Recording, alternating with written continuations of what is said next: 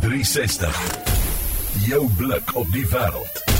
En sy blik op die wêreld, dis waaroor ons gesels Frans Rautenbach, help jouself South Africa, hoe gewone burgers die burgery ehm um, hulle self kan hervorm en 'n uh, gebroke ekonomie herstel, 'n gebreekte ekonomie, 'n gebroke mens wat daar moet funksioneer. Uh Frans niks om oor te lag nie, dit is regtig ernstige sake. Mens kan mens probeer nou so eintlik jouself deur die moeras voortsleep van negatiewe inligting elke dag. En jy moes deur daai moeras werk om iets positiefs na mense te bring. Dis nou ek dink die derde keer wat jy by ons kuier, een keer oor 'n mooi storie, jou pa Vanus en hoe julle as kinders Vanus Rautenbach in die wildtuin gaan kuier het en hoe lief julle daar was. Toe het jy gekom en eintlik die voorganger van die boek geskryf. Verfris net gou ons geheue. Ja, die boek uh, Johan, dankie vir die geleentheid. Lekker om hier te wees. Die boek was South, uh, South Africa Can Work waar waar oor een van my kollegas gesê het o jy jy waag jou hand nou aan fiksie. Ehm um, Ek glo nie dis heeltemal fiksie nie en soos jy gesê het, is 'n bietjie van 'n optimistiese storie wat ons uh aanpak met die nuwe boek. Uh South Africa kan ook dit net die algemene beginsels van wat ek glo die korrekte benadering is en dit is 'n vrye mark, 'n vrye mark-ekonomie uiteengesit. Die nuwe boek bou dan op daardie beginsels, maar ek het gesit met die probleem hoe oortuig jy mense? En ek het tot die gevolgtrekking gekom die enigste manier wat jy regtig mense oortuig is deur ervaring. Mense moet kan sien 'n ding werk. En uh hierdie boek is 'n poging om 'n paar goed te laat werk. Uh wat jy 'n mini vrye mark skep in gesondheid, in huisbou, in in diensneming, opvoedkunde. Uh en so aan. En die goed is dan uh voorbeelde vir mense om om na te kyk en dan uiteindelik om hulle te inspireer. Goed, ehm um, as 'n mens nou in Suid-Afrika die groot probleme aanpak en jy wil nou dit oornag oplos. Ek praat van beerdkrag en slaggate en al hierdie tipe van dinge. Dan loop jy telkens vas in jouself want jy raak so ontmoedig. Maar ehm um, Maria het 'n baie interessante program uh, wat sy noem ons mooi dorp my mooi dorp wat gaan oor mense wat self hmm. daar die leiersels vasvat en die plek vir vraai en gemeenskappe en jy werk ook op sulke modelle wat ja. jy wil stig eintlik en sê kom ons gaan nou nie dit is nie altyd moontlik om die regering nou te omvorm te môre hmm. jy kan vandag begin in jou eie dorp en daardie entiteite waarna jy verwys het bymekaar bring. So waar kom jou modelle vandaan? Waar het jy dit gaan navors? Ja, ek het uh, die heel eerste keer wat ek op die gedagte gekom het was Deng Xiaoping in in China. Jy ken die storie dat hy gesê het uh, uh maak nie saak watter kleur 'n kat is nie of hy nou swart of wit is, hy vang muise. En dis toe hy nou begin het om te besluit om die vrye mark uit te probeer. En toe skep hy nou zones, vrye mark zones. Uh veral Shanghai was beroemd geweest waar die voorbeeld wat hy dan geskep het, die bevolking in China deur die sukses daarvan so geïnspireer het dat uh, dat dit nie 'n politiek want glo dit as jy wil jy mag 'n diktator wees maar jy het nog steeds goeie politiek nodig. Die politiek was nie nodig, dit was nie nodig om die bevolking te oortuig van die waarde nie. Almal wou dit hê wat daar in Shanghai gebeur. En dit het my dit het my aan die gang gesit. Was dit in die 80er jare? Ja, dit was vroeg 80s kyk hy het aanvanklik 'n bietjie in die landbou gepeter, so so so 'n paar hervormings en toe besluit hy maar hy gaan nou hierdie eksperiment aan die gang sit. In 'n paar dorpstede is uitgesonder vir al die kusstede daar is nou uitvoerpotensiaal en so aan. In Shanghai was een en uh die die res hulle sê is geskiedenis. Dit was 'n ongelooflike suksesstorie geweest van mini vrye mark uh eksperimente uh loodsprojekte wat eintlik dan uh die ekonomie verander het. Kyk, hulle is nog steeds 'n kommunistiese staat, maar hulle is nou 'n kommunistiese staat met 'n hele klomp vrye mark uh oases wil mens amper sê. En dit is waar hulle groei ook vandaan gekom het, 'n geweldige groei in die wêreld. Verskriklike groei. Ek dink nie ons gaan in ons leeftyd sulke groei sien soos wat al in China was sedert uh, die vroeë 80s nie. Jy sê ons moet by die soos hulle sê begin by die basics, begin by die basiese dinge. Jy lei eintlik jou gedagteproses in met die basiese hmm, beginsels wat 'n mens vergeet.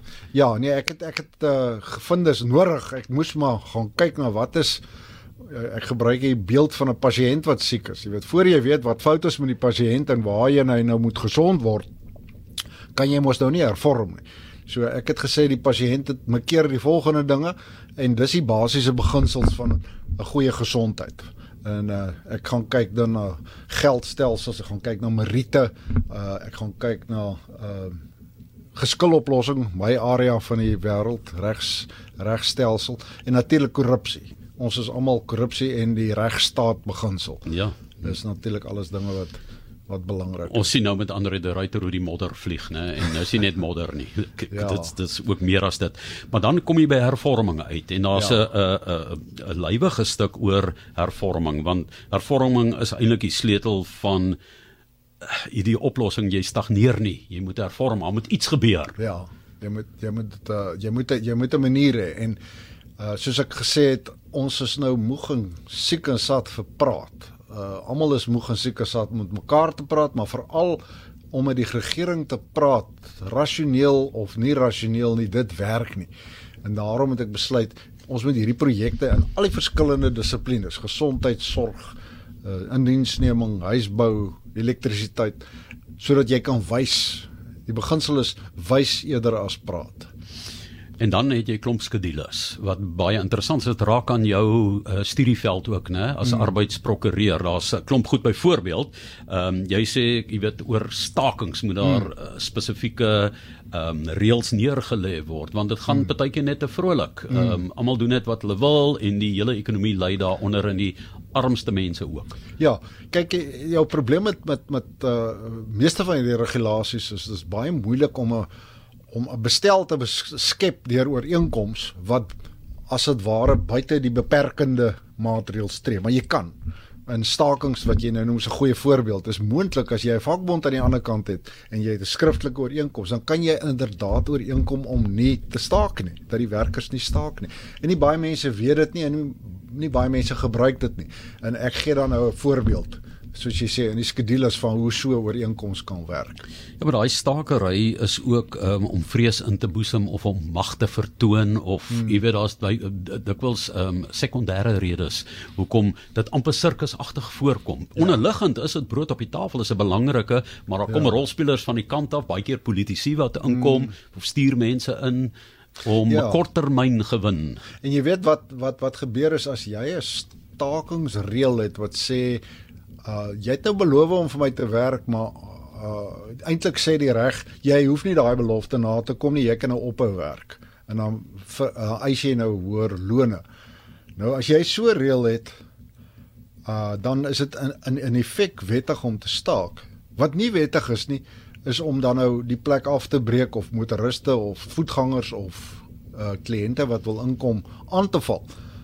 Maar jy weet wat gebeur is die oomblik as die staking in die gang is en almal staan nou buite die hek soos tipies gebeur by 'n fabriek of wat ook al, dan maak dit die deur oop en dis wanneer die geweld plaasvind. As jy nie die staking in, in die eerste plek het nie, gaan dit nie gebeur nie. So daai goed al daai lelike uh neeweffekte gebeur. En dan het jy natuurlik die probleem dat die produktiwiteit, ek bedoel per definisie gebeur daar niks as iemand staak nie en per definisie feitelik kry hulle 'n verhoging in ruil vir nie werk nie. Jy weet daar daar's mos al iets verkeerd aan daai prentjie. Uh so dit dit, dit moet 'n ou uitskakel want want jy weet produktiwiteit is die enigste bron waaruit verhogende ehm um, diensvoorwaardes kan kom. Jy kan net meer betaal vir lone of vir mediese voordele of vir wat ook al as die uh firma waar waarvoor die werkers werk beter produseer. So produktiwiteit is al manier. Jy kan dit nêrens anders kry nie. Jy praat van firmas en uh koöperatiewe staat en so meer. Het jy ook gefokus op die rol van die entrepreneurs, die klein sakeontwikkelaar, die medium oh. ouens want as hulle nie baie keer gom in hierdie Nee, nee, absoluut. wêreld waarin ons is nie. Ons ons het hulle so nodig. En weet wat gebeur het sedert omtrent O, oh, dis seker die laaste 20 jaar het die het die het die indiensneming in die privaat sektor waar die engine maar eintlik jou klein en medium ondernemings is. Het hulle feitelik geen werkgeleenthede bygevoeg nie. Die enigste groei het plaasgevind in die staatsdiens. En ons weet nou almal wat daar gebeur. Jy weet nie alleen kry hulle beter lone nie en beter salarisse nie, Maar dis nie ouens wat bakstene lê. Die departement van behuising lê nie bakstene nie. Die grootste deel van die departement van opvoeding leer nie kinders nie. Hulle sit in kantore en skuif uh jy weet uh, rekenaarmuise rond. As jy mens gaan kyk na 'n uh, organisasie um, soos Gift of the Givers en wat hulle doen met ek wil amper sê met goodwill. Jy weet met mense wat met goeie harte en graag wil deel en is dit die manier op 'n ander vlak waar jy moet bemagtig met 'n paar ekonomiese reëls om ons land in 'n beter plek te kry daai gesindheid praat ja, ek kyk daai uh, president het vir my verskriklik baie beteken. Toe ek nou die boek begin skryf, toe let ek op daar's 'n tendens want dit is wêreldwyd. Ehm um, ons kyk na goed soos Gift of the Giver soos uh, burgerlike organisasies in Graamsstad, Kosterswart, Ruggens waar jy weet die die gewone burgery het begin gate in die pad regmaak. Ou Barend Legrandsie se organisasie wat verskriklike goeie werk doen. Hulle tel die slaggate in die pad en dan sal vir die mense sê hier's 4200 slaggate, ons sal almal regmaak. En dan doen hulle dit. Ehm um, nou dit is 'n belangrike deel want die die die neiging wat jy dan raak sien is dit mense neem eenvoudig die werk uit die hande van die staat en die staat word geleidelik 'n bietjie een kant toe geskuif wat ek dink persoonlik 'n goeie ding is. Waarvan ek hou hier is dat die die olifante in die kamer, ehm um, jy nie ignoreer nie. Ek praat van ehm um, swart ekonomiese bemagtiging. Jy gaan kyk ook na die amper kan sê fantasiewêrelde wat mense skep. Ons gaan geld maak deur dollar te koop of jy weet deur die wisselkoers en daai dinge. So jy jy jy het al hierdie dinge in, mm. maar ek dink mense moet maar self deur dit werk. Is 'n baie goeie handleiding. Mm. En dan uiteindelik, as jy daardeur gewerk het en so moet jy die beginsels gaan toepas. Dis nie belangrik jy help jy gee vir ouens mm. lekker leesstof nie, né? Jy wil ja. hê dit moet ehm um, die burgery in aksie word en dit kan 'n handleiding wees daarvoor. Ja. Dit is nou help yourself South Africa, how ordinary citizens can reform our broken economy Frans Rautenbach. Hy's 'n arbeidsprokureur wat hier by ons uh, gekuier het. Die laaste positiewe boodskap van jou kant af asseblief? Ja, ek ek dink as jy jy jy jou vinger op die op die pols gesit met daai laaste opmerking en dit is mense moet nou iets doen. En uh, ek wil graag met mense praat en ek dink ander mense wat in die bedrywe is, entrepreneurs. Ek wil veral met entrepreneurs praat en ek weet hulle wil ook met mekaar praat. Dit is ons saglik belangrik want dis dis die mooi ding van so iets. Die mense kan inderdaad geld maak en hulle kan hulle self, jy weet, uh in in die proses uh, uh uh hulle posisie verbeter. Dit is wat ek dink is nie is ons praat nie van liefdadigheid hier nie. Ons praat van van besigheid, van van ondernemerskap.